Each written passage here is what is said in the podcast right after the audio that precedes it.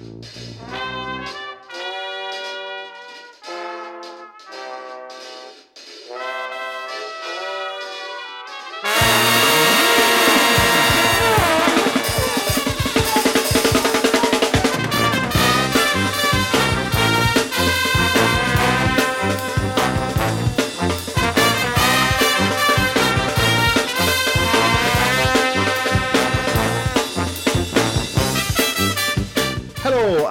croeso i benod gyntaf y Sbeidio'i Heilog, podlediad newydd Spondonics sy'n rhoi sylw i'r pethau bach sy'n gwneud gwahaniaeth mawr i ni yn ystod y cyfnod hollol honco hwn.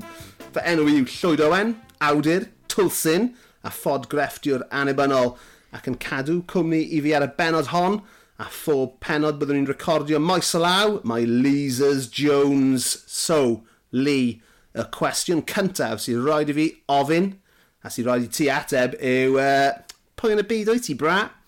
Eia, Llywyd. Uh, Wel, Lee Jones ydw i. Dwi'n dod yn reiddiol o Sir y Flint, a dwi'n edrych am amser da. Uh, You've come to the right place. Wel, dwi'n uh, dwi byw yn Llundain ar hyn o bryd. Uh, dwi'n gweithio yn y ddiwydiant cerddoriaeth yn gwneud pob dim sydd yn ymgysylltiedig a cherddoriaeth, really. Just hyrwyddo marchnata, roi CDs a fael allan. No, ti'n gweithio i gwmni masif, mae hwnna'n, ti'n mo, swnio fel ti'n gweithio yn hour price neu rhywbeth fel yna. Ond ti actually, um, ti'n gweithio i gwmni BMG? Ydw, ie, ie, ie. So dwi'n gweithio uh, gyda llwyth o, o fandiau yn uh, gweithio ar all catalog Uh, so ti, ti actually yw'r boi sy'n gyfrifol, neu un o'r boi sy'n gyfrifol am yr holl fath o um, remasters super sgleiniog uh, furry animals, ie? Yeah? Uh, yeah, mae gen, i, mae gen i law yn hwnna, oes. Uh, fi sy'n sy gyfrifol am wneud yn siŵr bod pawb yn gwnebu'r ffordd cywir ac yn tynnu, ac yn tynnu efo'i gilydd. Uh, Mae'r ma gwaith caled yn gael ei wneud gan pobl eraill. Fi sy'n... Fi, sy, fi sydd yn canol yr holl beth. Ie, yeah, ti sydd yn... Ti yw'r boss, let's Troi, face it. Troelli platia. Ie, yeah, man. Uh, ti hefyd wedi gweithio, I mean, gyda bandiau... Ti'n ma, dim bod y Super Furries ddim yn fand mawr, ond ti wedi gweithio gyda Black Sabbath a Madness a Fatboy Slim yn ymysg eraill hefyd, oed? Ie, yeah, ti'n gwybod, mae'n, uh, you know, just, just another day. Mae ti mor modest. O na, ti'n gwybod, spreadsheets, spreadsheets di lot o beth dwi'n neud, i fod yn honest. Yeah. okay. yeah, lot, lot o spreadsheets. Oh, right then. Play it down, all you like. Yeah. Mae'n swnio'n eitha cool. Not cyn hynny. Mana perks. Mana perks. Fi'n siŵr bod hwnna. Lot o CDs am ddim. yeah, oh my god. Mae o CDs arfer fod fel, uh, fel currency yn y ddiwydiant. Os oedd ti'n nabod pobl yn gweithio i labelu ennill, pawb jyst yn sopio nhw o hyd ac o hyd. Ond, dys gen i ddim CD player, so... Na just, fi, uh, chwaith. Na. na fi. Um, cyn bod ti'n mynd mewn i'r byd cerddorol yma, uh, fi di ffeindio bas bod ti... Uh, o ti'n stand-up am... O'n. Flynyddoedd am, am gyfnod, ie. Yeah. o'n i... Beth yw'r hanes fyna, man? Wel, dyna, dyna gyd o'n i eisiau gwneud. Uh, so nes i ddechrau gwneud stand-up pan o'n i'n 17, um, a nes i stand-up am tua pedair mlynedd cyn i fi stopio. Ond, so nes ti uh, ymddeol am sy'n ti'n 21? Ie, yeah, ie. Yeah, o'n i wedi cyrraedd y, y mana uchaf. Scar Scarborough, Grimsby. uh, Honestly, ti, hmm? os, os wyt ti'n gallu enwi twll yn Lloegr, dwi yn garantio mod i wedi fynd yno i wneud stand-up. Ond ie, o'n i'n hwyl. Nes i stopio achos... Uh, nes i stopio cael hwyl. Uh, uh, Mae hwnna'n tough, right? Ie, yeah, achos o'n i di ymroi fy hun. Dyna, dyna gyd o'n i eisiau neud efo fy hun a fy mywyd i oedd, um, oedd, oedd perfformio comedi a, a, ac ysgrifennu comedi a felly ti'n gwybod oedd hwnna'n eitha anodd i, i ddod i Pa mor bell is ti mewn peder mlynedd, man? I mean, o ti'n dechrau off mewn beth open mics a stuff fel na, ond... Ie, yeah, so mae yna ma, ma nosweithiau lle mae acts newydd yn mynd neu uh, acts efo mwy o profiad sy'n mynd i wneud uh, pethau newydd, deunydd newydd, ac o'n i wedi cyrraedd y safle lle o'n i'n o'n i'n MC eitha da, um, o'n i'n eitha ddibyniadwy, o'n i'n gallu mod, troi fyny rhywle, gweld fod popeth ddim yn mynd i weithio ac yn gallu tynnu gig allan o, ohoni rhywsut. o'n i'n dda, o'n i'n dda efo hynny, ond uh, gyda setio fy hun, o'n i bach yn complacent os dwi'n edrych yn ôl arni. Dwi'n yeah. hir yn ôl nawr. Um, falle o'n i ddim di wneud yr ymdrech dylsyn ni wedi wneud gyda ysgrifennu, ond... Uh... Nes ti rannu bills gyda unrhyw'n, ti'n mo, ath mlaen i fod yn llwyddiannus? Uh, Wel, dwi'n yeah, dwi nabod lot o bobl sydd wedi mynd ymlaen i fod yn llwyddiannus. Lot o straeon uh, dwi ddim gweith eisiau rhannu'n gyhoeddus eto. Ti eisiau uh, name drop a unrhyw'n? Na, wel, just ti'n gwybod, mae ma, ma a hanner o'r bobl sydd wedi bod ar Taskmaster yn fanilyn ni, so ma, ti'n gwybod, mae hwnna'n Achos, achos dwi jyst yn ei nabod nhw o'r o, o, o dyddiau a fi... Ond ti'n gwybod, byddwn nhw ddim yn adnabod fi nawr, just uh, cario ymlaen i ddilyn fi allan o, o rhyw... just bod yn, bod yn polite. so ar ôl hynny, fi hefyd yn gwybod bod ti di um, chwarae mewn band death metal a teithio Ewrop. Na, wel, na, nid death metal, doom metal. So, oh, na, sorry. Sorry, mate. Wel, na, mae'n bwysig. Beelzebub. mae'n bwysig achos, achos mae rhaid i chi fod yn ddawnus gyda offeryn i chwarae death metal. Ac uh, dwi ddim... Ges i, ges i adolygiad yn Powerplay magazine. Uh, nath ni, pan nath ni ryddhau yn ail album ni, um, dyma nhw'n mynd trwy pawb yn y band A, a dwi, dwi byth yn mynd i anghofio hwn. Oedd hwn bron, bron i ddegawd yn ôl. Ges i'r adolygiad Powerplay magazine yn dweud, bass player Lee Jones is playing is pedestrian. Wel, a le nath nhw enwi ti. A ti'n gwybod be? Yeah, it was pedestrian. it was? But you were getting away with it. yeah. Ti'n teithio rownd. yeah, yeah, yeah. Dyna ni. Ti'n just uh, mynd o gwmpas, chwarae gigs. Ac, Beth oedd enw'r band? Enw'r band i Grown. Grown. Fel... fel uh... Oh, right, okay. yeah, nid fel, nid fel, nid fel rhywun sy'n tyfu. Uh, yw'r band dal yn mynd? Uh, Wel, dyn ni heb... Um, dyn ni heb torri fyny yn swyddogol, ond mae'r gitarist mwyaf diweddar, nath e hedfan yn ôl i Zela Newydd bore yma uh, i fyw. Oh. So, dyna ni. Dwi heb siarad ar, ar canwr ers dwy flwyddyn. So, uh, so yeah, so ti'n mwyn... O, mae'n swnio fel bych chi roi'r it. Oh, so yeah. dyna pam ti eisiau gwneud podlediad gyda fi, uh, just uh, gap creadigol gyda ti. Ie, yeah, mae gen, i, ma gen i llwyth o, o egni creadigol ag uh, dyma ni. Dyma ni a IT skills gobeithio, cys uh, ni, ar, ni, ar, ni ar y Zoom, neu beth bynnag ni'n defnyddio. Wel, ag, ni wedi cael. Ie, yeah, ers pan oedden ni'n trio sortio, sortio technoleg allan am y sgwrs yma, o'n i'n teimlo fel o'n i'n dweud wrth fy rieni sut i setio'r VCR. Ie, yeah, man, fi yw'r technophobe mwyaf. Strictly analog, bro. Dim ond deg mlynedd sy'n rhyngddo ni, ond mae'n teimlo fel hol gynhedlaeth oh llwyr. Paid, ie, yeah, wel, ie, yeah, ma, ma, fi o'n teimlo fel ni hefyd. Reit, a gwerthu fi um, hefyd, ti di, ti di byw i ffwrdd o Gymru ers blynyddoedd, er, hanner dy, dy fywyd, pretty much. Ond uh, ti, gys ti rhyw fath o awakening Cymra uh, um, uh, uh, o ran dy Gymreicdods um, rhyw bwynt. Gwerthon ni am hwnna? Do, so um, o'n i'n byw yn Manceinion am spel tu a saith mlynedd, a wedyn nes i ddod lawr i symud i, uh, i Lundain, ac oedd hynny o gwmpas yr un pryd i Super Fairies Alryddhau Mwng, ac um, oedd na tymod, lot o, o pethau yn y wasg am hynny ac i fi yn darllen am hynny achos y job fi nawr yw chon, basically just roi cyd-destun i hen gerddoriaeth er mwyn marchnata hi. A be ddigwyddodd yr adeg yma pan ydyn nhw awr i ddau mwng oedd oedden nhw'n ail ail osod uh, y cyd-destun cafodd mm. hynny hmm. ei, ei ryddau yn ddi a chymod ar, ar gefn Cool Cymru a, a pob dim, dyma Fairies yn ryddau record Gymraeg, ac oedd hynny yn ddatganiad, ac um, oedden nhw ddim wedi chwarae o gwbl yng Nghymru ar ôl ryddau'r record hynny, achos dyn nhw ddim eisiau i bobl troi fyny'n gwisgo fyny fel Kenny Pedder neu beth bynnag ac yn chwifio, chwifio baneri a stuff fel yna. Achos, 99, oedd chwmwyd cwpa rygbi byd, Shirley Bassey yn y ffrog oh, yna. Yeah, pob man. dim, o pobl, oedd, ti'n tymod, oedden ni ar y, ar y verge o rhywbeth, ti'n tymod, oedd o gallu bod yn eitha anifir, really. Ac, um, a dwi'n meddwl, dysgu am hwnnw, ac um, dysgu am y ffordd oedd y fairies yn mynegu eu Cymreictod nhw, oedd e'n rhywbeth oedd wedi...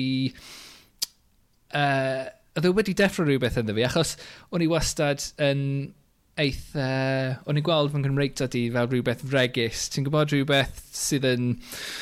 Tymod, sy'n, o, ti'n cael ei allan pa ti'n mynd i'r eisteddfod.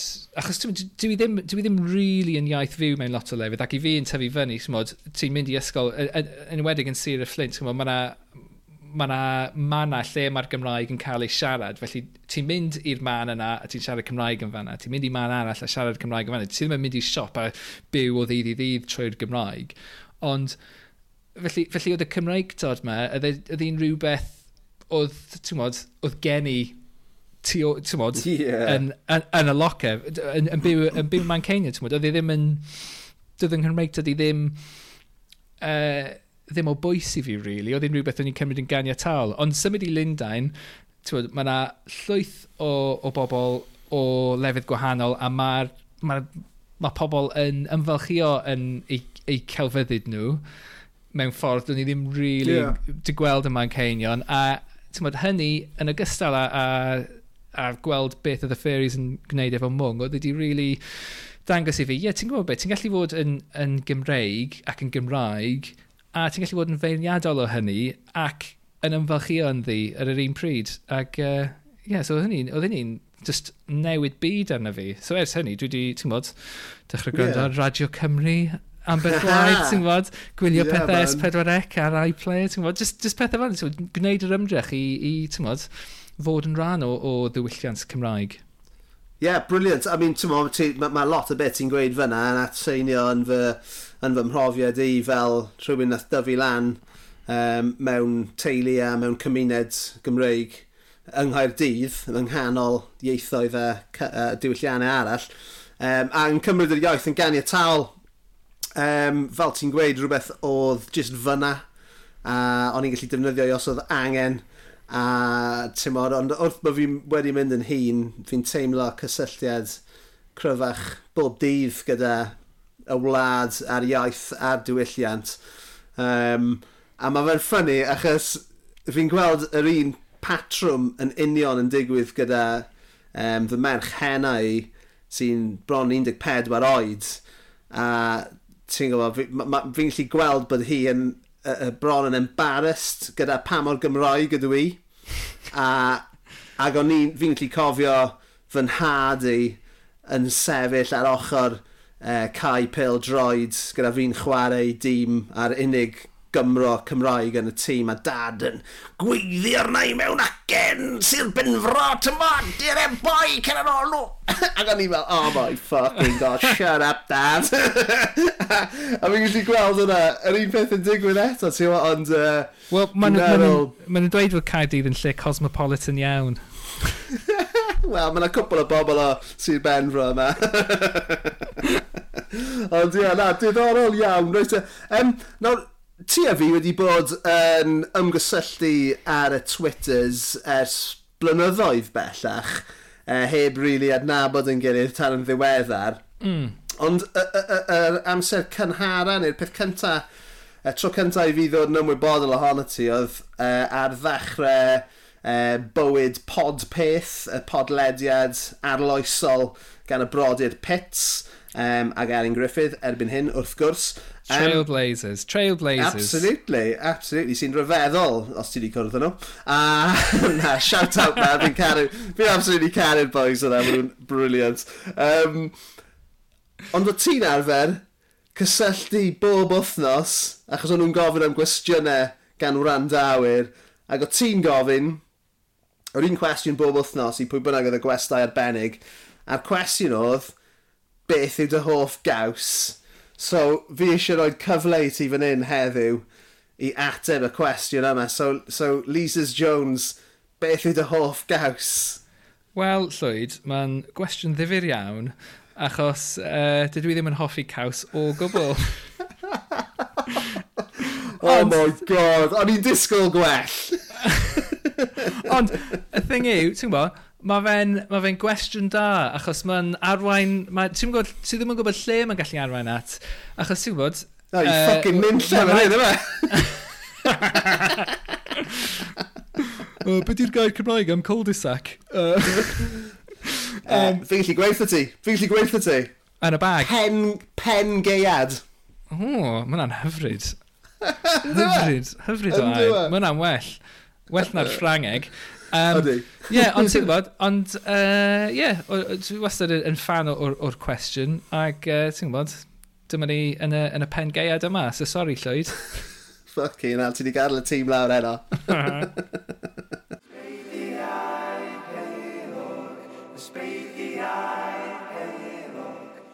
So Llwyd, pam ydyn ni yma? Pam fod awdur sydd wedi ennill gwobrwyon am ei waith a rhywun sydd yn dwy'n bywoliaeth yn y byd cerddoriaeth yn eistedd lawr i siarad gyda'i gilydd a pham ydy'r byd mwy eang eisiau gwrando arnyn ni dau yn malu awyr?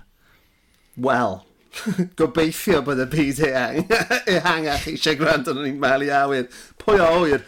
Ond um, fi'n meddwl, mae rhaid ni gydnabod uh, cyfnod i ni'n byw yn ynddo reit nawr. Mae'r byd yn fucking bonkers. Mae hi yn Covid-21 ar y foment. Um, fe, o'n i'n meddwl siŵr taw ar ôl y flwyddyn oedd yna i ddechrau. Ond ie, yeah, so ni'n ni byw mewn yng nghanol pandemig, right? mae pawb bach yn stuck, gytre, lockdown, rhif 5 neu 6 erbyn hyn.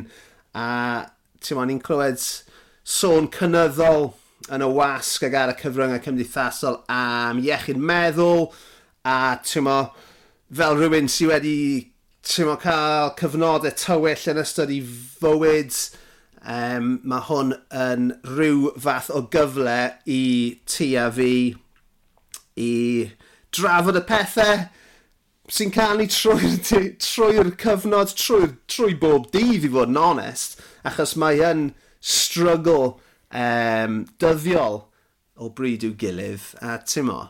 So dyna, dyna be ni'n neud fan hyn. Um, so... Chwilio, yeah, chwilio am yr ysbeidiau heilog bach yn, ma. Union. Yn, mwynhau diolch yn fawr am y teitl perffaith fan gyfer y sioe i'r Super Furries eto, sy'n yeah. clymu mewn gyda dy stori di am mwng. OK, so beth yw'r peth bach heilog yn dy fywyd di yr wythnos yma, Llwyd? Wel, ers i ni fod yn trafod uh, dechrau'r podlediad yma, fi wedi bod fi wedi bod yn nodi pethau fi'n gweld neu'n clywed um, bob dydd sydd yn rhoi gwein fach ar fy ngwyneb i. A heddiw, dwi eisiau siarad am wynwns neu i ti niomod. A, ah, diolch am y cyfieithiad llwyd. Ti ddim yn deall, o'n i'n gweld yr, olwg ar dy wyneb ti. Blank. so, ah. wynwns, right? I mean, mae hwnna'n swnio fel rhywbeth ridiculous. Rwy'n ni'n cymryd Wynon's braidd yn ganiau tal. Ond, fi, fi yw chef ti ni, a fi'n gwybod taw ti yw chef ti ti. So mae Wynon's yn popeth, rei? Mae ma fy merched i, maen nhw wastad yn cwyno maen nhw'n casau Wynon's. Ond fi'n gweud, ond mae Wynon's pretty much yn popeth ti'n bwyta, right? Mm. Sydd yn wir. Um, a falle ddim yn Skittles, ond maen nhw yn lot o bethau. Anyway, Yn yr wythnos diwethaf yma, fi wedi wneud onion bhajis fy hunan, from scratch. Oedd probably, wel, ond nhw'n well na unrhyw onion bhaji fi wedi cael yn y mywyd, a fi wedi cael lot o onion bhajis yn fy mywyd. No, ti wedi cael, lot, ti cael lot yn y cyfnod clo gan, gan dy olwg di.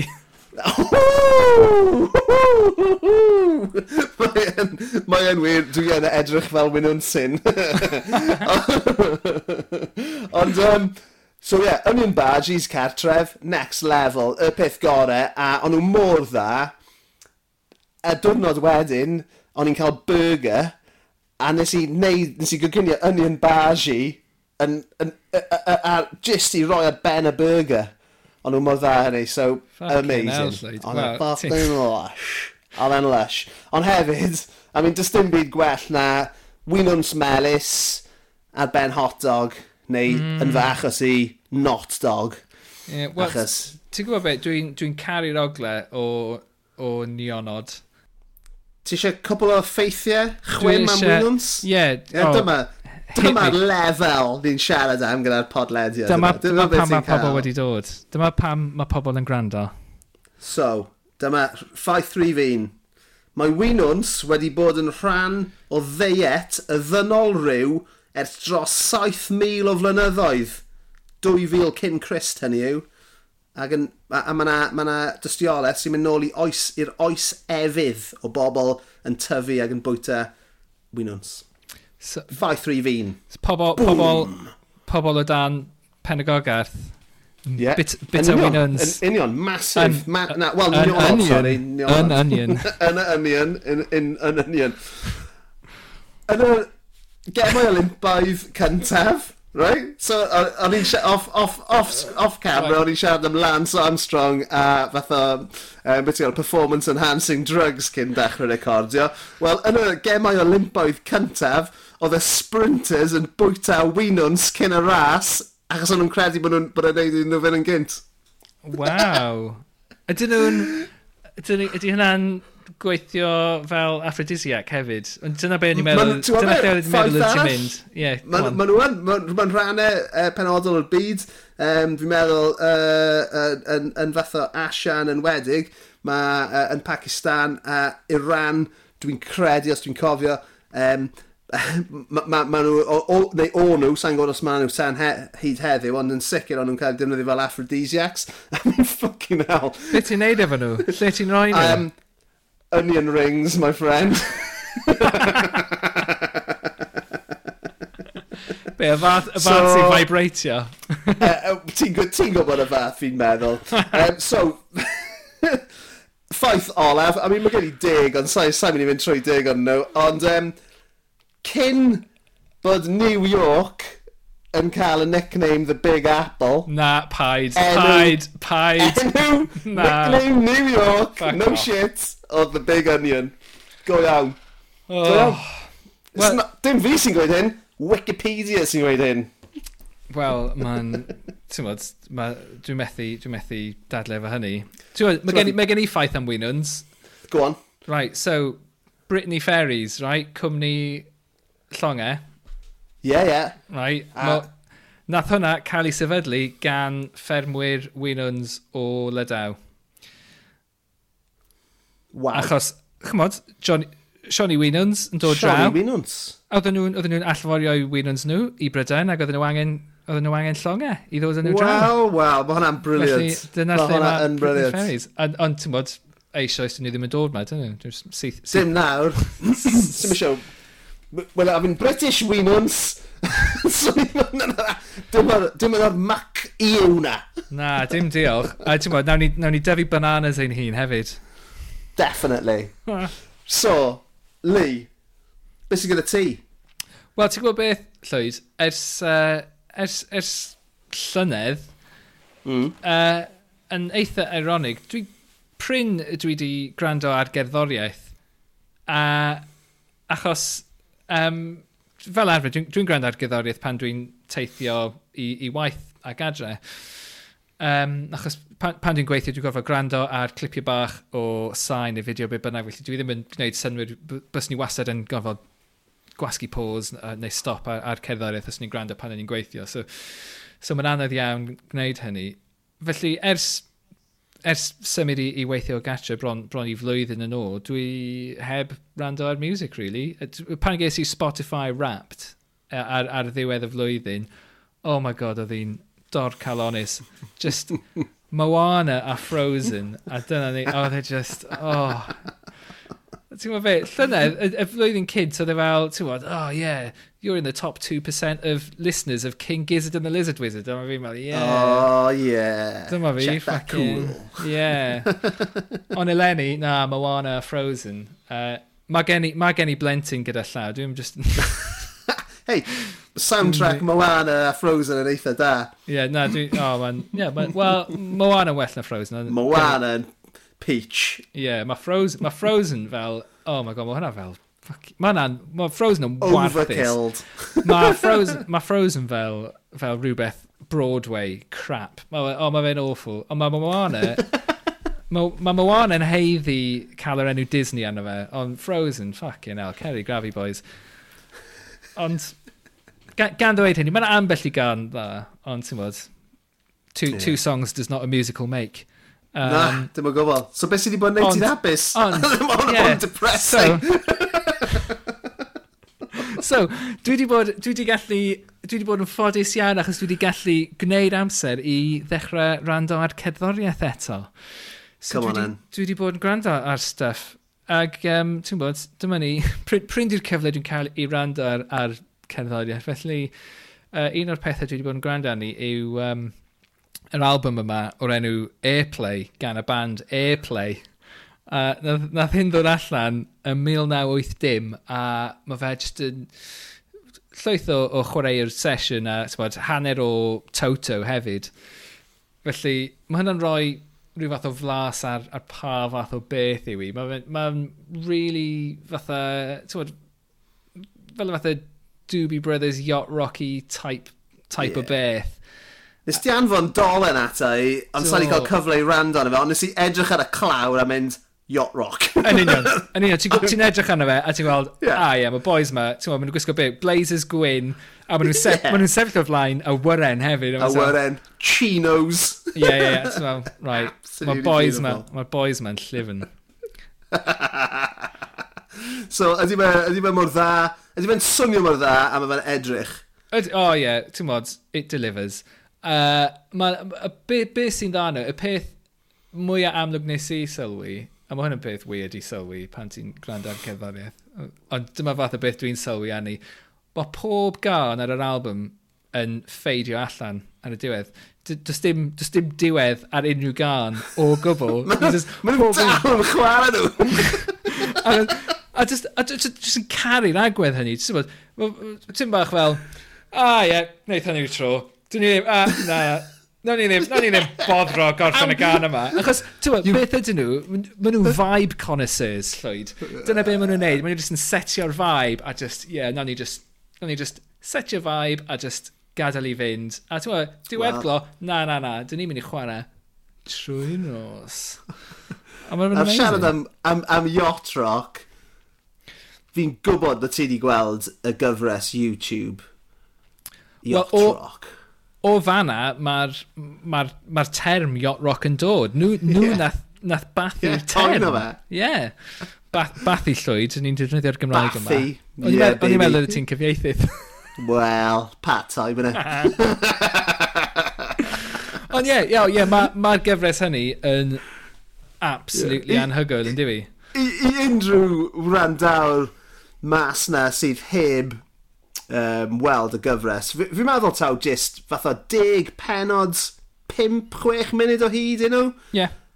I mean, just, am fucking genius llwyr. Just, just yn dweud y stori, achos ti'n gwybod, be, be maen nhw'n galw y West Coast Sound um, yeah. o'r adeg hynny, y 70au hwyr, a mynd i mewn i'r 80au cynna, so um, un o'r cynhyrchwyr oedd um, boi mae'r enw Ted Templeton, ac oedd e, oedd e just yn llyfn totally smooth. um, ac oedd, oedd gennych chi, chymod, y bobl yma, oedd y chwarae fo Doobie Brothers a Steely Dan, chymod, Michael McDonald a Kenny Loggins oh, a pobl yeah. fel yma. A, a just, chymod, maen nhw wedi dramateiddio'r holl beth mewn ffordd tipyn bach dros ben llestri. A, a ti'n gwybod, a mae'r ma stori, mae ma na un, ma na un, um, un benod lle uh, maen nhw sôn am Van Halen, achos Nac, oh oh my god, mae ma fan Mae'r ma un yna yn hwnna dilyn gore. Ond on, mae ma fe'n wir, nath Van Halen cael Ted Templeton, y yacht rock producer yma, nath nhw cael fe i, um, i gynhyrchu album cynta nhw. No way. A dyna... wrth gwrs, mae ma Dr Dre a Warren G yn troi lan mewn un o'n nhw hefyd, achos nath nhw samplo... Michael McDonald. Uh, nath Warren G uh, samplo Michael McDonald. Yeah. Anyway. Beth, os, os, os rhywbeth, rhyw gerddoriaeth arall Ti di mwynhau wythnos yeah, hon, te? Wel, dwi, di, dwi wedi uh, llithro lawr... Um, llithro, llithro lawr twll llwyd. um, uh, ti'n bod, uh, dyma, dyma beth sy'n digwydd. Ond o rando ar hynny, achos dwi'n dwi, dwi caru pethau fel Steely Dan a, a Doobie Brothers, a, a dwi just, oh, just rhywbeth amdano fe sy'n just yn... Uh, Oh, dwi'n yn gwybod, ond dwi wedi syrthio lawr y twll yma ac um, wyt ti'n ymwybodol o Japanese city pop? Na. So, Ydy hwnna'n genre neu'n band? Mae'n ma, genre sydd... Okay. Mae'n... So, yn, yn Japan, yn yr un cyfnod, so'r 70au hwyr, um, naeth llwyth o bobl oedd yn creu cyda'oedd yma, oedd nhw wedi cael dylanwadau gan gan pobl fel Steely Dan a Doobie Brothers, ond oedd gen nhw technoleg uh, synthesizers i gyd ma, a, a'r, ar gallu i, i, i wneud cynhyrchiadau chymod, really crisp a, a, a really nice. Ac um, a, a, mae yna ffrwydrad o'r fath yma o gerddoriaeth yn Japan yn y cyfnod yma. Os, os, os, os ti'n meddwl am cerddoriaeth pop, Japanese. Dwi'n meddwl, ti'n ti clywed i wastad mewn, mewn end credits ar, uh, ar gemau cyfrifiadur sy'n dod o Japan, y fath o gerddoriaeth mae... Ie, fi'n gwybod beth ti'n siarad. Ti'n gwybod, ti'n gwybod, mae yna ma sain bendant iddo fe.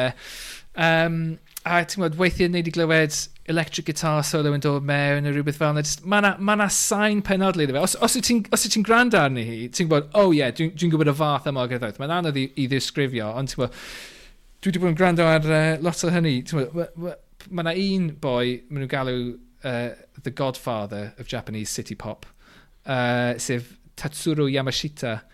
A, a mae just just vibes, vibes i gyd llwyd. A mae, nes gan o'r peth, o'n i eistedd, o'n i eistedd yn y, uh, yn y stafell fyw bore yma, dyma nghariad i'n gofyn i fi, beth i'n neud? uh, dwi'n gwrando ar Japanese City Pop. A ti'n meddwl ti'n meddwl be? Actually, Llwyd. actually, Llwyd. Ti'n meddwl be? Dyma ni, pen o cynta o, o bodlediad newydd.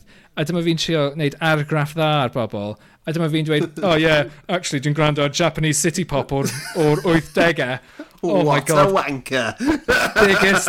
Yeah, yeah, yeah. Dwi'n byw yn Llundain, dwi'n gweithio yng Ngherwydd. A dwi ddim ond yn gwrando ar uh, Japanese City Pop. Oh my God. Rwy'n oh, clywed llygoed dy gariad sy'n rolio ar clywed hwnna. God. Oh, dwi'n meddwl, dwi'n meddwl, credu mod i wedi cyfaddu hwnna. Dwi wedi cyrraedd y pwynt yma yn gynt nag o'n i'n disgwyl. Ond, ie, uh, yeah, fi'n rhaid i adael efo yna, neu bydd pobl jyst yn switch off.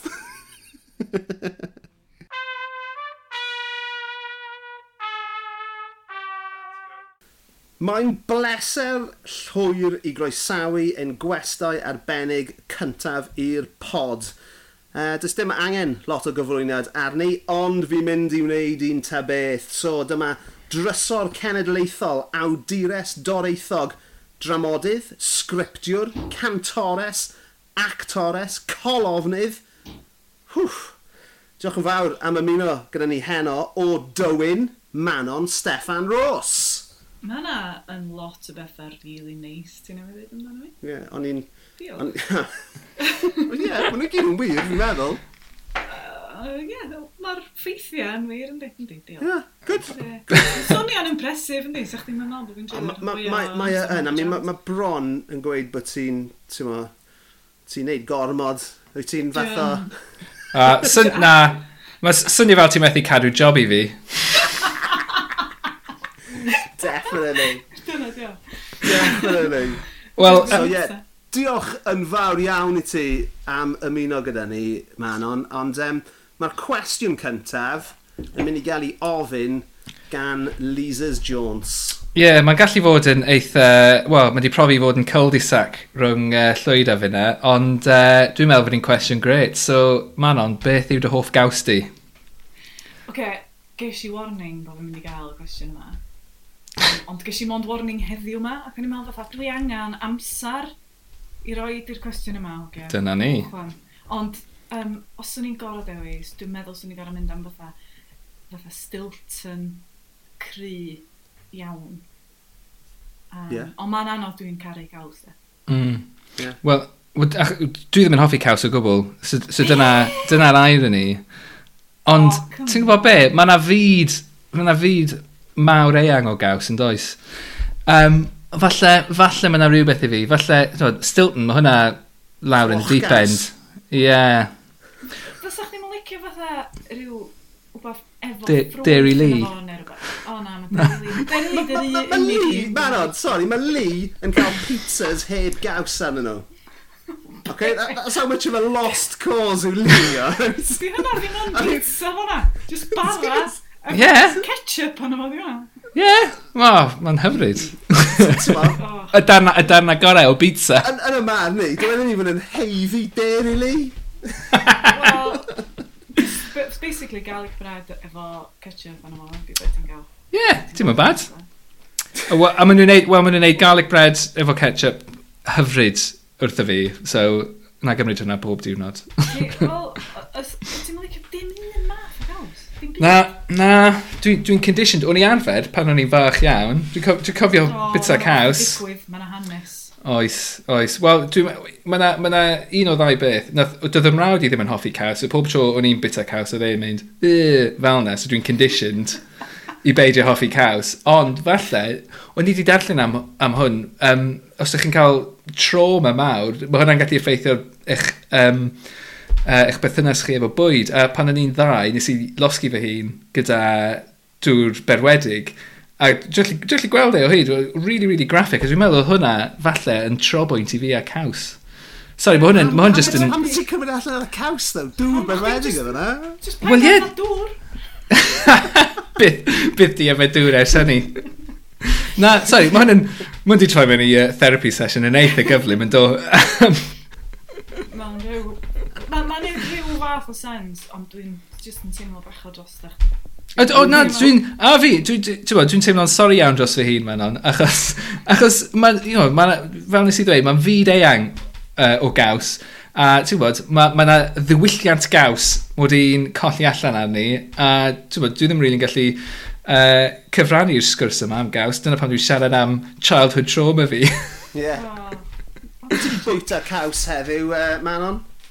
o, oh, ti'n bita caws bob dydd, dwi. Ti'n gwybod be, chydig flynyddoedd yn ôl, gysi job amazing ma da, i sgwennu i ryw gylchgrawn, a o'n i'n teithio o gwmpas fatha dairy producers yn Sir Aberteifi a Sir Gyrfyrddin. So o'n i'n mynd o gwmpas, llefydd ma oedd ffermydd a stwff sy'n neud caws, ac obviously oedden nhw eisiau fi sgwennu pethau neis am eu caws nhw, felly oedden nhw jyst yn rhoi loads o gaws i fi. Ac oedd fel, dyma, dwi eisiau gwneud y job yma am beth? Pa job oedd hwnna? Oedd o jyst i ryw gylch. Oedd hwnna ddim ar CV ti? Neu bys wedi bod yn yr intro? Specialist cheese writer. Will write for cheese. hwna, hwna, hwna oedd y dechrau. So, wel, os dwi'n gallu sgwennu a cael caws am ddim, falle mae yna rhywbeth yn hwn. I mean, gwir, fi wedi cael fy nhalu llai na just caws am ysgrifennu pethau yn y gorffennol, so... Oedd o, oedd o, y job gorau A, a nath, dwi'n cofio nath un o'n nhw roed fel cosyn caws cyfa i fi ar ffotograffydd fynd adre, un iddo fo, un i fi, ac erbyn i ni gyrraedd tu'r ffotograffydd, oedd y car yn mingin, Brewin. cyfaint o fatha caws amrwd, ti'n fawr? Yeah. yeah. Mm, caws amrwd, Lee. Mae hwnna'n swnio fel... Ti'n gwybod, ti'n gweld e ar Twitter, dwi ti, pan mae ma yna cyfieith, cyfieithiadau weird yn uh, archfarchnadoedd, Dwi'n gallu gweld yr arwydd mawr uwch ben, ar, uwch ben ar ail yn dweud cawsau amrwyd. Ie. Yeah. Mae hwnna yn y genre hynny, yn diwy. dwi eisiau mynd ar chfarchnad sydd efo digon o gaws angen ail cyfa i gawsio amrwyd. Frank. O, oh, nes, lle, lle o'n i? Nes i weld, o'n i yn Frank falle? Rhywle, o'na just cornel bach fel Shack Bren. Ag... Falle yn Ffrainc oedd hwn. Ie, yeah, gallu... definitely. Mae wedi gweld y shacks yn Ffrainc. Ie, yeah, maen nhw, ma nhw yn yr arch fach Ti'n gwybod Pan ti'n cyrraedd y diwedd lle mae'r bwyd yeah. anifeiliad anwes y, y pob dim. Just, ond yn y gornel, just, just shac bren efo flap clir o blastig. A just cedd mewn a dyma'r fromagerie. Oh, yeah. wow. Fel, yeah. Hen fath o news agents oedd gyda porno lle allan yn y cefn. Rhan fan hyn, maen nhw jyst yn gwerthu caws amrwd. top shelf caws. Ie, yeah. ie. Yeah, yeah. Ar y top shelf caws?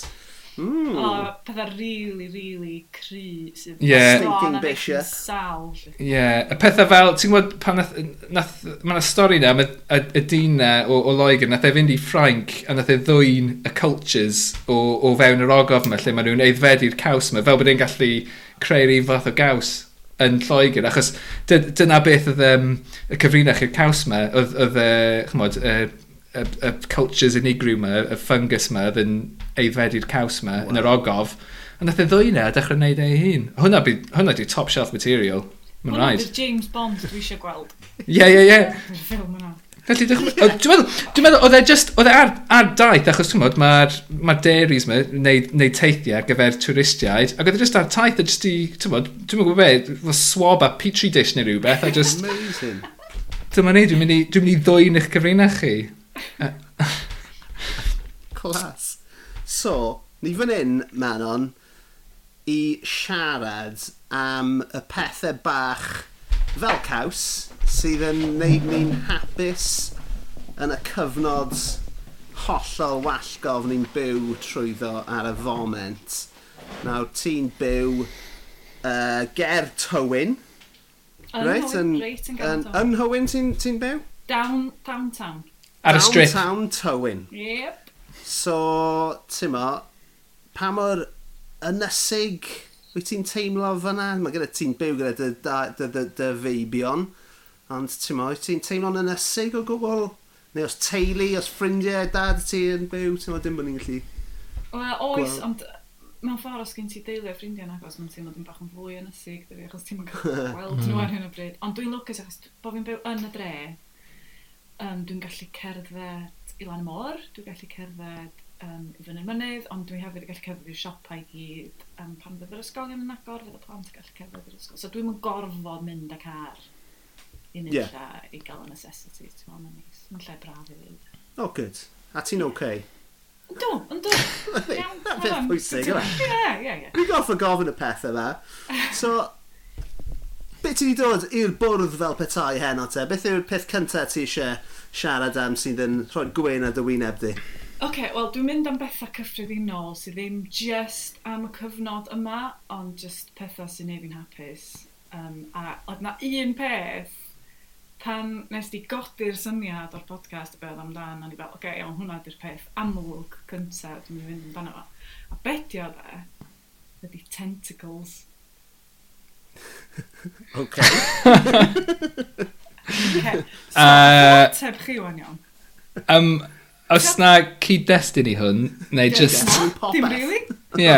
Ond, yr ymateb, nath chi just mynd yn dawel. Achos mae tentacles mor cool. Does na ddim byd sy'n gysylltiedig efo tentacles iawn, sydd ddim yn ddiddorol nac mm. um, fel, yn arwain at rhyw sgwrs. Mae ma nhw just yn weird ac yn alien a... Mae'n just yn cool. Ysgusodwch fi, miss. Um, ni yn siarad am tentacles fel octopi. octopi. Yeah. A so, o, diolch beth, o'n i ar goll rhan, Eiliad. so, dodgy na.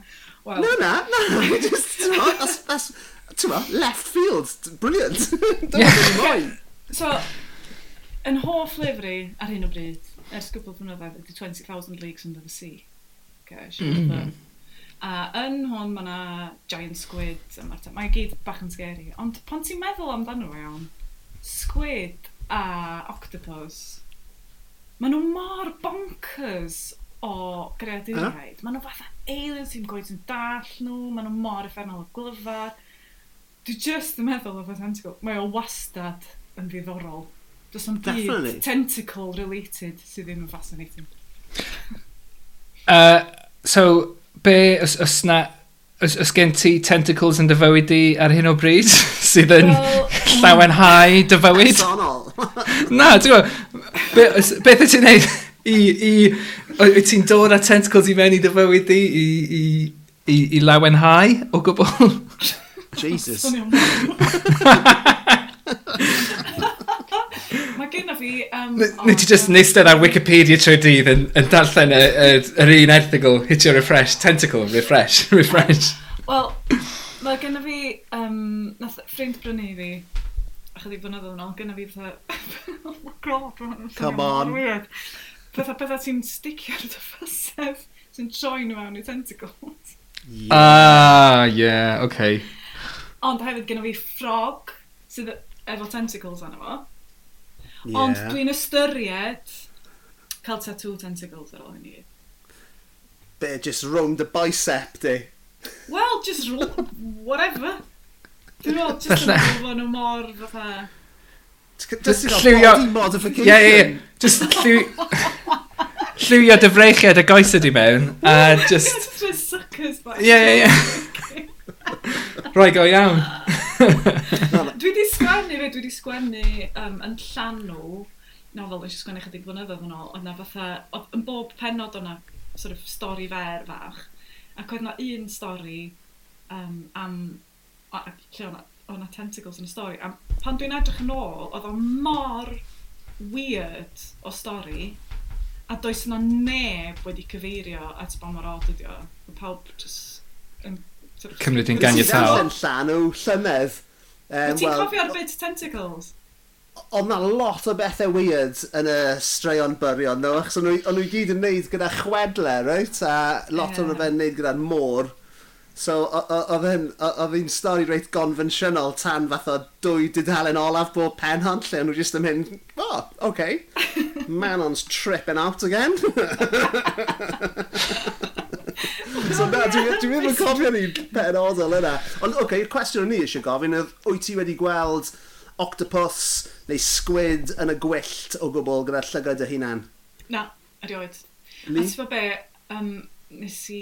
Un o'r pethau dwi wir yn just mopio fo, di. Ti'n fawr giant squid, de? Mm. Oedd pobl yn meddwl bod nhw'n mythical. Felly, mae'n fatha unicorns, iawn, so oedd pobl yn meddwl, yeah. o, di hein yn bodoli, mae'n just yn bethau oedd pobl yn fod i wneud i fyny ystalwm. A wedyn oedd nhw'n ffeindio bod nhw'n bodoli, a mae hwnna'n ei fi feddwl, allai bod nhw'n lwyth o stwff arall yn bodoli. Ond ma, on mae hwnna'n rhywbeth reit diweddar, yn diwedd? Yndi. Mae nhw'n ffeindio'r giant squid cynta o fewn fath o'r 20-30 mlynedd diwetha yma, dyn nhw? Well, a, col a colossal squid. Ie. Yeah. Mae fwy ac o Ie, ie. Achos dwi'n meddwl nath ffeindio giant squid... Uh, Oh, dyma ni. Oh, no, dyma ni. Dwi ar Wikipedia now. The first images of the animal in its natural habitat were taken in 2004. Boom. Hey, dyna ni. Dyna ni. A col colossal squid first described in 1925. OK, hang on. So sut bod nhw wedi darganfod a giant squid ar ôl y colossal squid?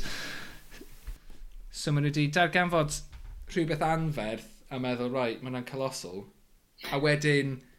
A wedyn bron i canrif wedyn, maen nhw'n darganfod rhywbeth llai na hynny a galw hwnna'n giant. Oedden nhw'n gwybod oedd na rhywbeth yn y canol cyn iddyn nhw ah. darganfod hi. A beth ydych Tio, sy'n nhw'n ffeindiau'n mwy na colossal beth sy'n nhw'n galw hwnna wedyn? Massive. Mister. Dibynnu lle maen nhw'n ffeindio. Bynnag mae eisiau gael ei alw. Ond ie, y reswm o'n i yn gofyn os o'ch chi wedi gweld un yn y gwyllt, oedd achos oedd e bach o leading question, cos nes i weld un yn y octopus yn y gwyllt yn yr, yn yr eidal dwy tair mlynedd yn ôl nawr, o, o, allan yn snorklo, gweld octopus um, a, a dilyn, ti'n mo, gweld yn symud a dilyn e, a mynd, fucking hell, oh my god, mae hwn yn amazing. A nath e, ti'n mo, nath e sylwi arna i, ac yn llythrenol, nath e just stopio'n stond, a newid lliw i'r un lliw a'i gefndir e o flaen yn llygau iddi. Wow, oedd e'n gallu, a... gallu gweld bod ti'n fygythiad. yn fy speedos a fy nghroen yeah. porselin. o, oedd hwn.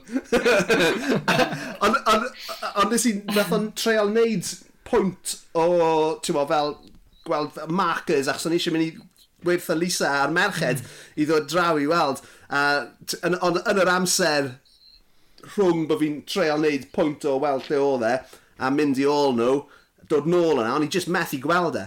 A dwi ddim yn hmm. gwybod os oedd e'n symud, neu os oedd e dal yna, ac oedd e just, oedd i giddlew e mor dda, e, e, o'n i just methu gweld e. Ond e, oedd e'n thrilling, absolutely thrilling o beth i weld.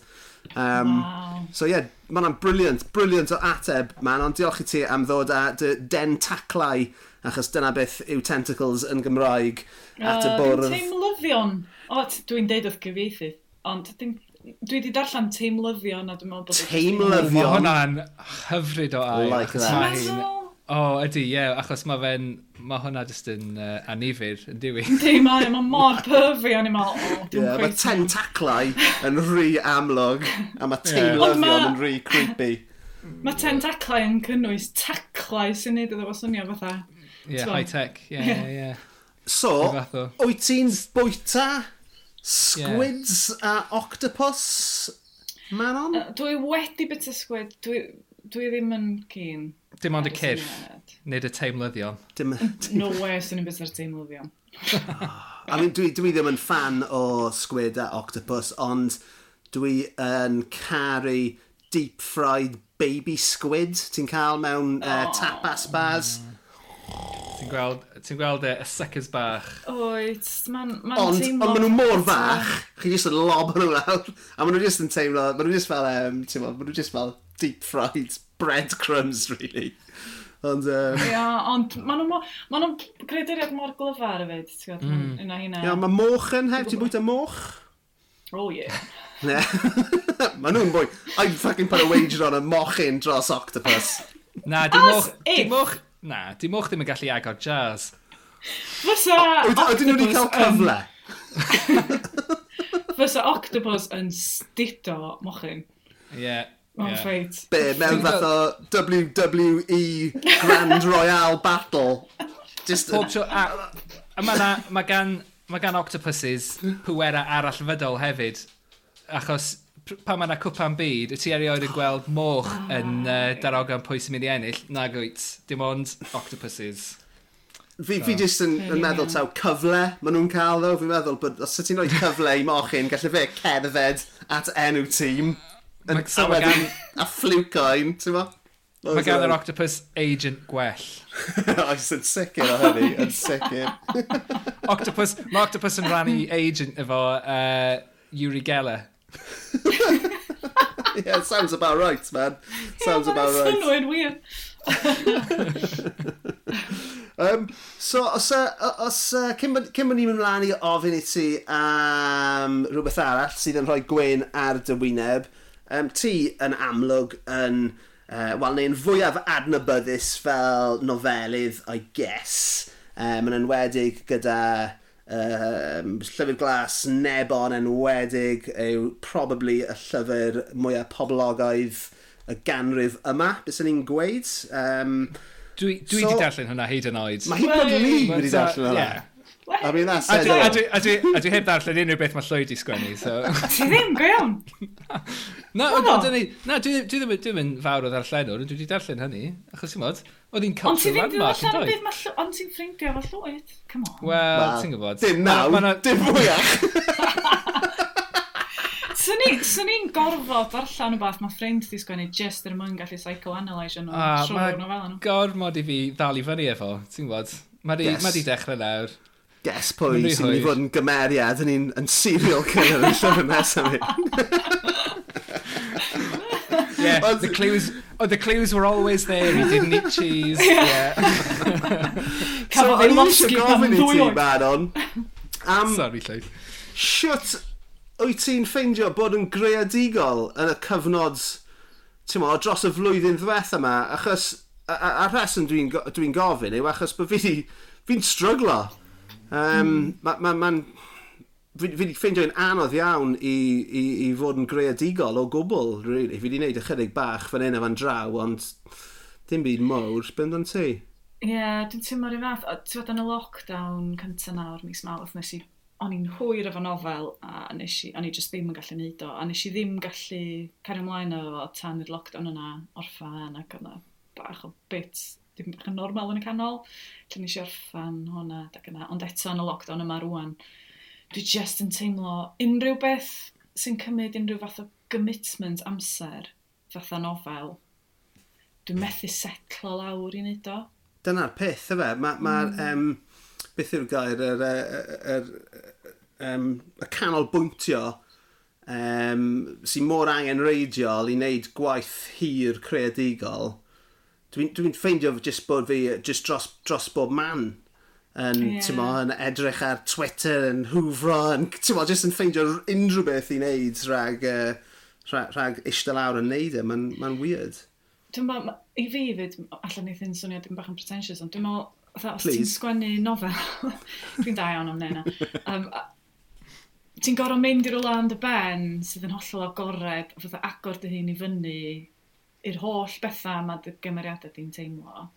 A dwi'n teimlo bod unrhyw beth sy'n agor chdi fyny ac yn neud chdi'n vulnerable yn y ffordd yna, I don't want to go there dipyn bach ar hyn o bryd, mm. achos dwi'n eisiau meddwl gormod. Mae'r ma, un fath efo fi efo um, gwrando ar music, ti'n gwybod? Yn y lockdown cynta, oedd gyna i CD um, album Stormzy yn y car, a pan o'n i'n mynd ar plant i di i tad, o'n i'n gwrando ar hwnna. Ond fel arall, nes i ddim allu gwrando ar music o gwbl, dim byd o gwbl mm. trwy'r lockdown. Yeah. A wedyn, unwaith oedd y lockdown orffan, o'n i'n meddwl, o'n i'n dechrau cael nôl i fewn i pethau dim bach o wahanol i ben i'n gwrando ar blaen. Ond ges i os os dwytha yma wan, lle o'n i'n mynd am dro, o'n i'n gwisgo headphones, a fel arfer dwi'n gwrando music a teimlo'n fab, ti'n gwybod, ti'n gadael. A nes i feddwl, o, oh, mae di mynd eto, dwi'n mynd gallu ffeindio'r llawenydd thing mewn music. Mae jyst yr agor allan. Yeah. Ti'n gorau wneud i wrando ar music neu i sgwennu rhywbeth credu. So, ti'n meddwl am yr esgus dwi wastad yn neud, os dwi'n gorfod neud rhywbeth creadigol a dwi ddim, yw fy mod i'n bwydo fy isymwybod i trwy wneud pethau eraill. Ti'n uh, credu yn y fath uh, meddylfryd o gwbl neu? Mae'n ma siŵr bod o rhywbeth, ond mae esgus ydi o dde. Ond dwi, dwi, o'n i'n deud yn llwyd gyna, dwi yn procrastinator ofnadwy dde. Dwi fa, os dwi'n rhoi, deud bod gyna fi, bod yn dweud, reit, da ni eisiau nofel gen ti mewn 19 mis, please. Na i fynd, oce, okay, am gyna i syniad, na i gael y syniad, a byddai'n teimlo'n ofnadwy o frwd amdano fo.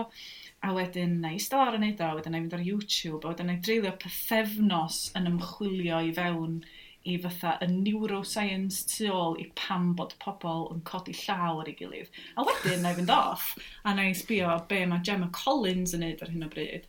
A wedyn, na i fynd, a na i fel, o, oh, be oedd Tom Cruise yn, yn dda yn ysgol am wneud, a pethau fel, na i just mynd am fusoedd ar just rubbish, ar obsession, bethau. Tan, mae'n dod pethefnos cyn mae'r nofel i fewn, i fel, oh my god, oh my god, dwi'n gwneud a na i neud o aros i fyny tan diolch bwgal bore, so Ond fel ma dwi'n gweithio, mae rhaid fi rhyw fath o just derbyn. Ie, yeah, ond, ond ti'n gwybod, mae ma hynny... Ti, ti yn bwydo'r isa wybod yn fanna, ti'n gwybod, ti'n neud yr ymchwil a ti'n ti rhoi dy hyd i mewn i'r byd yma, ti'n ti rhoi'r holl wybodaeth yma, felly pan mae'n dod at y, y pethefnos ola, pan ti'n actually hamro hi allan, mae'r pethau yma yn oed ti, mm. dyn nhw? Ond mae'n rhan o'n fi, Mel, ti jyst yn gorau aros tan bod chdi eisiau neud o. Mhm. Ond ti'n mo? Os ti ddim yn mwynhau... Tan fyna pwysau. Ie. Ond dyna dy broses di, ie? Ie. Os dwi ddim yn mwynhau sgwennu fo, na nhw ddim mwynhau darllen o, dyna di'r rheol sgynna i, a dyna di'r peth, dy'r arwydd gorau mhm. o safon. Dwi wedi wneud amball beth, dwi'n meddwl, dwi'n bod efo'r benod yma, a dwi'n dwi gorau scrapio fo, os, dwi'n bod efo fo, pa obaith sgennyn nhw person arall o licio fo. Ie. Na, mae hynny'n hollol wir. A beth, beth am... Ti'n os gyda ti nofel uh, i'w ysgrifennu uh, mod, yn y dyfodol agos, a siwt ti'n teimlo am ysgrifennu nofel yn y cyfnod yma, ond anwybyddu y cyfnod yma, os ti'n deall beth sydd da fi. Um, achos, yn, yn ffodus i fi, nes i dachrau cyfres o lyfrau o'r enw Cyfres Gerddi Hwyan, a fi ar fi'n rhedeg i Paris yw'r pumed yn y, yn y gyfres yna, a fi, fi ar fi'n dechrau ysgrifennu nhw i treial, anyway, y chweched yn y gyfres. Ond y, y peth ffliwc mwyaf nes i wrth ysgrifennu'r llyfr cynta oedd ar y gefn, ar, ar y broliant ar y cefn, oedd gweud mewn gwlad debyg iawn i'r Gym Gymru gyfoes, so dim oh. Cymru, ond gwlad debyg iawn i Gymru. A mae hwnna yn rhoi rhyddid i fi i, i, i anwybyddu y pandemig. Ac i, i, i, a, a cario ymlaen fel bod popeth yn iawn a bod fi jyst yn gallu gweud stori achos yn amlwg mae'r ma, ma, ma pandemig yn cyfyngu ni gyd, yn fe? Mm. Mae'n ma un o'r pethau, dwi'n meddwl alla, os da ni'n sgwennu amdano fo, fydda'n unau gorfod bod am hynna, yeah. neu bod o ddim yn ei gynnwys o. Mm. Sut yeah. jyst yn rhan o ryw stori arall. Mae o'n gyfyngiad mawr i, i beth yeah. sy'n gallu neud, yndi, be mae pobl... To. I mean, fy, nghynllun i yw, fel o'n i'n gweud, mae'r ma, ma, llyfr nesaf fi'n mynd i ysgrifennu am gerddi hwyan sydd ddim yn cwait yng Nghymru yma, ond ar ôl hynny, fi'n mynd i just ysgrifennu unau fath o um, nofelau yn, yn y gorffennol neu yn y dyfodol. and, and just, achos, ti'n ma, ma, ma, Achos mae'r... Ma, ma, e, e, ma, ma cyfnod, er, er, mae fe'n gyfyng, ma cyfyngu chi o ran be gallwch chi wneud gyda'ch cymeriadau chi a'ch stori chi. Ond mae fe hefyd yn... Um, um, a sain mae ma just, ma just yn, yn, yn, meddwl bod y byd chi'n gallu cyflwyno'n lot llai. A... Mm. Yeah. Sain gwybod bydde ti ddim yn gallu edrych yn ôl ar hynny, chymod, mewn deg i gymlynedd, bydd neb yn darllen hynny ac yn uniaethu efo hi yn yr un ffordd, na. Ie, yeah, a, a hefyd, sa'n meddwl bod, ti'n na pam ni'n ni, caru gwylio, ti'n beth ni'n gwylio ar Netflix, a ni, ni eisiau uh, dianc o'r hmm. byd mm. sydd ohoni, dim cael nat goffa, uh, er bod, mae yna ma, ma anomalies i hynny, wrth gwrs, um, Da ni eisiau dianc ar hyn o bryd. Dwi'n meddwl, unwaith yeah. pethau di callio, dwi'n meddwl fe rhaid i ni yn greadigol sbio nôl yna fo, yn gelfeddydol sbio nôl yna fo, yeah. a, a a archwilio fo, achos o'n i'n meddwl am y pethau ddim meddwl fatha mor, tysa ni'n gwybod llynydd, tysa chdi wedi deitha fi llynydd, oce, okay, fydd y blant, a fydd na mm. bla, fydd dy blant di yn colli, dwi'n bod 90% o'i blwyddyn ysgol, fydd i ddim yn gallu mynd i gwaith, fyddi di'n cael un government-sanctioned dro y dydd, fydd yn gallu para awr, ti'n gorau gwisgo mwgwd, fyddi ddim yn cael gweld y nain am flwyddyn. So, hyn i gyd, swn i ddim meddwl, mam bach, dwi ddim yn mynd i allu ymdopi fanna. Ond be dwi'n neud, so, dio ddim, dio ddim ateb di ddim fel ti'n meddwl, ti'n meddwl bod chdi'n mynd i fod yn twa, sbio ar Twitter a mynd ar YouTube a sbio ar fideos o gŵn yn siarad a stwff. Ond actually fel na, da ni'n llenwi'n amser, da ni fel, oce, okay, iawn, mae na pandemig. Twa, ben ni wan. Yeah. So, efe dyna beth ti'n dod nesa? Efe fideos am cwn yn siarad, ti eisiau? O na, na, na i ddim dod â hynna, ti'n Oce, okay, da chi eisiau nesa? Yeah. Oce, okay, y nesa ydy siop a sbar. Iawn. Iawn.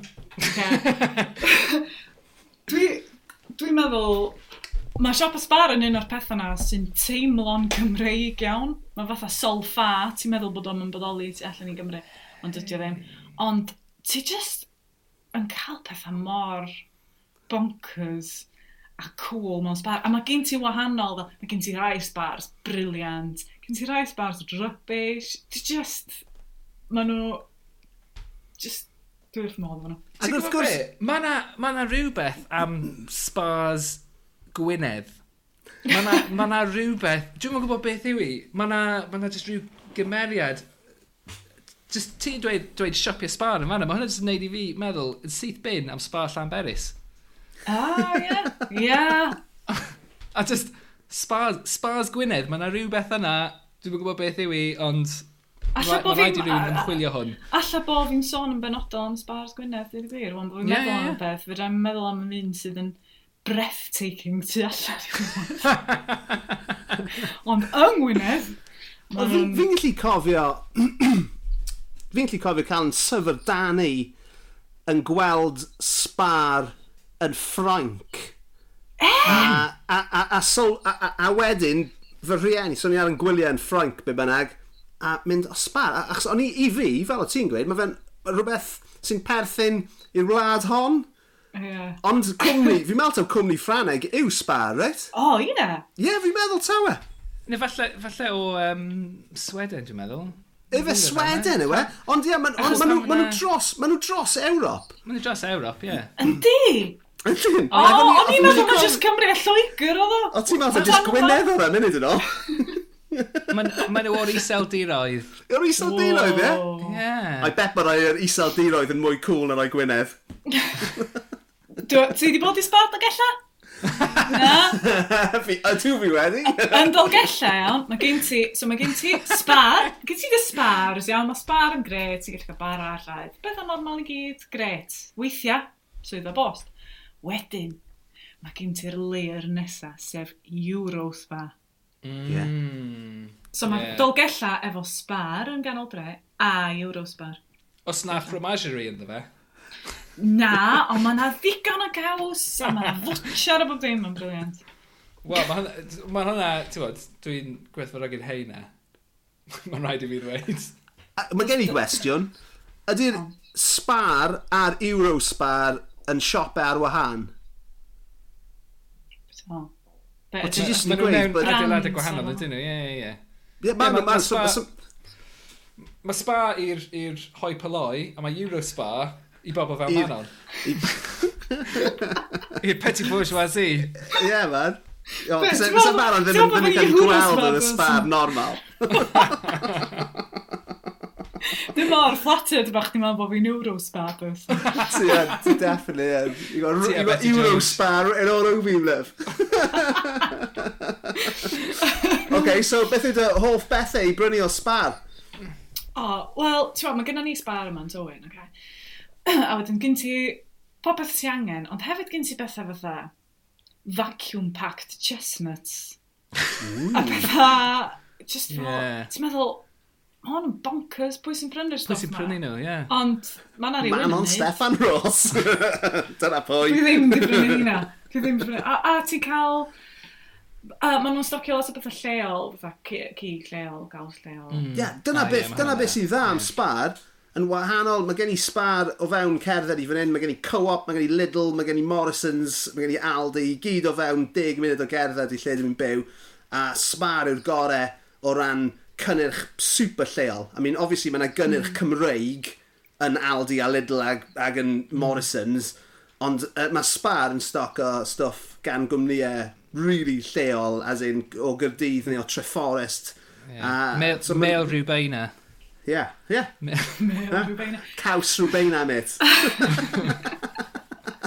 mae, y peth arall ydy, achos bod fi'n byw yn Hywyn, dwi awr, mae gennym ni co-op yma, mae gennym ni spar yma, ond dwi awr i ffwrdd o'r fatha Tesco, Aldi, mm. Lidl. Big Falls. Ond dwi hefyd, mae rhaid fi ddweud, dwi'n caru Lidl hefyd. Da. Mm. Fatha, dwi'n dwi, dwi Lidl dwi, nerd. Ma, Lidl, be di... Aldi, Aldi a Lidl, rai, achos dwi... Mae gen i drafferth yn dweud y gwahaniaeth rhwngddyn nhw. So, oh, come on. ffog. Na, na, dyna ni, achos dys neb, dys neb di eistedd lawr efo fi ac egluro'r gwahaniaeth. Mae ma stori Lidl a gael di nuts, ynddo fe, achos mae'n debyg... Puma ag Adidas. Yn union, mae'n union y gymhariaeth o'n i'n mynd i wneud. Dau frawd nath ddechrau allan gyda un cwmni, yn cwmpa mas, ac un o'n nhw'n dechrau cwmni arall, yn union fel Puma ag Adidas Wednesday? Puma, yeah, yeah, yeah. Puma ag Adidas, yn union, yn union yr un stori, ond ie, yeah, ond mae'n so, nuts. Okay, just illegal dall, iawn. Diolch. Lidl ydy'r Adidas. Okay. Okay? Bys ni yn angytuno gyda hynny. Oh, Bys ni'n gweud bod, a dim bod fi, fi'n fi caru'r ddwy, ond, ond fi'n fi mynd i hôl pethau penodol o Lidl a pethau penodol arall o Aldi, achos dyn nhw ddim cweit yn gwerthu'r un pethau. Ond o, o ran... O, ddim un pethau. Ansawdd, bys ni yn gweud bod Aldi just, just touch yn well ansawdd. O, llwy, dwi'n teimlo bach o dros chdi achos bod chdi'n wrong. Ie, yeah, na, just... Mae na mae yna Lidl, Lidl sy'n gen i ni, dyna, achos o'n i'n gwybod os ydy'n Lidl nag Aldi, dwi'n newydd edrych i fyny. Lidl sy'n gen i ni ar y stryd fawr yn fama, a uh, dolyg diwetha, nid rwy'n sy'n newydd fod yn yr un cyn hynny, yn y twod, middle aisle, hwnna di... Oh, yeah. Hwnna di lle mae breuddwydion yn cael ei gwireddu. yeah. Dolyg diwetha, oedd ganddyn nhw... Chi'n gwybod, uh, os chi'n mynd i, i Catalonia, a mae ganddyn nhw fel... Meats. Coes, coes mochyn yeah. ar stand Yeah. Oedd gynnu nhw hwnna. Bwnes ti fe? Dwi'n ohonyn nhw. Na, wel, mae ma nghariad i'n llyseir, so fysa hwnna'n tol o i fi bita coes gyfan i fi fy hun. Ond o hwnna, o'n i'n impressed. Dwi, ca, dwi wedi cael un o hynna o Little Lambo. Ie! O'n amazing. A ti a beth, 35 neu rhywbeth? Ie, a hefyd mae'n ma neis bod nhw'n gwerthu coes mochyn, ond dim tentacles. Dim yeah. ten... Teimlyddion. Fel dylia hi fod. Mae gen fi, nes i... Mae'n amoesau gen nhw. Oedd yn ffrind i yn arfer gweithio yn Lidl, ac oedd oedd i cadw'r tabad oedd o'n gwisgo, a nes i gael o'n bresant. So ah. gyda fi... So pryd i ti'n gwisgo hwnna? Yn amlach na sy'n ei licio dweud. Clas, clas. So fan am beth yw'r peth i bobl fynd allan a'i danllen uh, gen y ti yn ddiweddar, be, ti'n modd, llyfr glas nebo, old news, so be, be, be sy'n rhaid i ni fynd allan i ddallan nawr? OK, mae gen i lyfr allan ers mis tachwedd o'r enw Llechi, a mae'n nofel i bobl ifanc, um, ond mae kind of i bawb hefyd. A mae'n eitha tywyll, mae yna nofel am um, lofruddiaeth ydy hi. A mae, dwi wedi mynd yn ôl i fy ngwreiddiau, so mae wedi lleoli'n Bethesda. Ac oedd hwnna'n eitha weird, achos eisiau sgwennu fo yn ystod lockdown, ddim yn cael mynd i'w Bethesda. Mae'r hiraeth yn real, man. Felly, felly hwnna, felly ti'n meddwl fyna bortread rhamantus o Bethesda, rhywbeth, oh, na. rhywbeth eitha ffuglenol neu... Uh, Diolch yn bortread rhamantus o gwbl, o gwbl, o gwbl. Um, Mae'n dywyll iawn, iawn, iawn yn ôl fy arfer, ynddo. Um, a... Mae'n lot, mae'n ti'n gwybod pan ti'n sgwennu nofel, a wedyn mae'n dod allan, a ti'n meddwl... Dwi ddim yn gwybod pan dwi'n pan ti'n sgwennu nofel, actually, man. On, o, dwi'n siarad gyda fi, ni. Ti'n sgwennu rhywbeth ffuglen, a wedyn ti'n... So, ti ar ôl fod dod allan, a pan y bach o bellter, ti'n gallu psychoanalyseio chdi dy hun drwy'r nofel. Mm. A pan oedd hwn ar fi'n dod allan, o'n i'n esbonio ffrindiau fi, fatha, o, be mae hwn amdan, ac oedd o fel, o ia, mae hwn amdan um, y pethau wyt ti ofn wyt ti'n troi fewn iddyn nhw. So mae'n a lot o fatha sbio ar dosbarthiadau cymdeithasol o fewn a arian garwch a pa mor bwysig ydy ffordd da ni'n edrych i bobl yn gymdeithas o stwff. Mae'n lot o hwnna. So ia, mae'n lot o, o galon yn efo, dwi'n meddwl, gobeithio. Wel, fi'n mynd i fynd i brynu hwnna y fori gyda fy discount awdur wrth y lolfa. Diolch yn fawr. Ond, just i ddweud, diolch gymaint i ti am gadw cwmni i ni heno, Manon. Ni'n, uh, wel, fi'n caru dy waith. Uh, Dwi'n li methu, methu darllen, so... Uh... Ond diolch i ti, Kim Bwyll, a newn ni weld ti o gwmpas ar Twitter. Diolch am eich cwmni. Mae wedi bod yn lyflu trafod tentacles. Dim yn aml, mae rhywun yn cael y chans. Spade the eye. Diolch yn fawr i band Chris Llaregib am y theme tune ac i Steffan Dafydd am y gwaith celf. Diolch hefyd i Manon am fod ein gwestai cyntaf ni. Ac uh, os ydych chi wedi mwynhau, cofiwch i dan ysgrifo, rhannwch y podlediad yma, efo pobl dych chi'n hoffi. Os dych chi ddim wedi mwynhau, rhannwch chi efo pobl dych chi ddim yn hoffi. Ac uh, cyfwch chi ddilyn ni ar Twitter hefyd, at ysbeidiau hei pod. Ta-ra!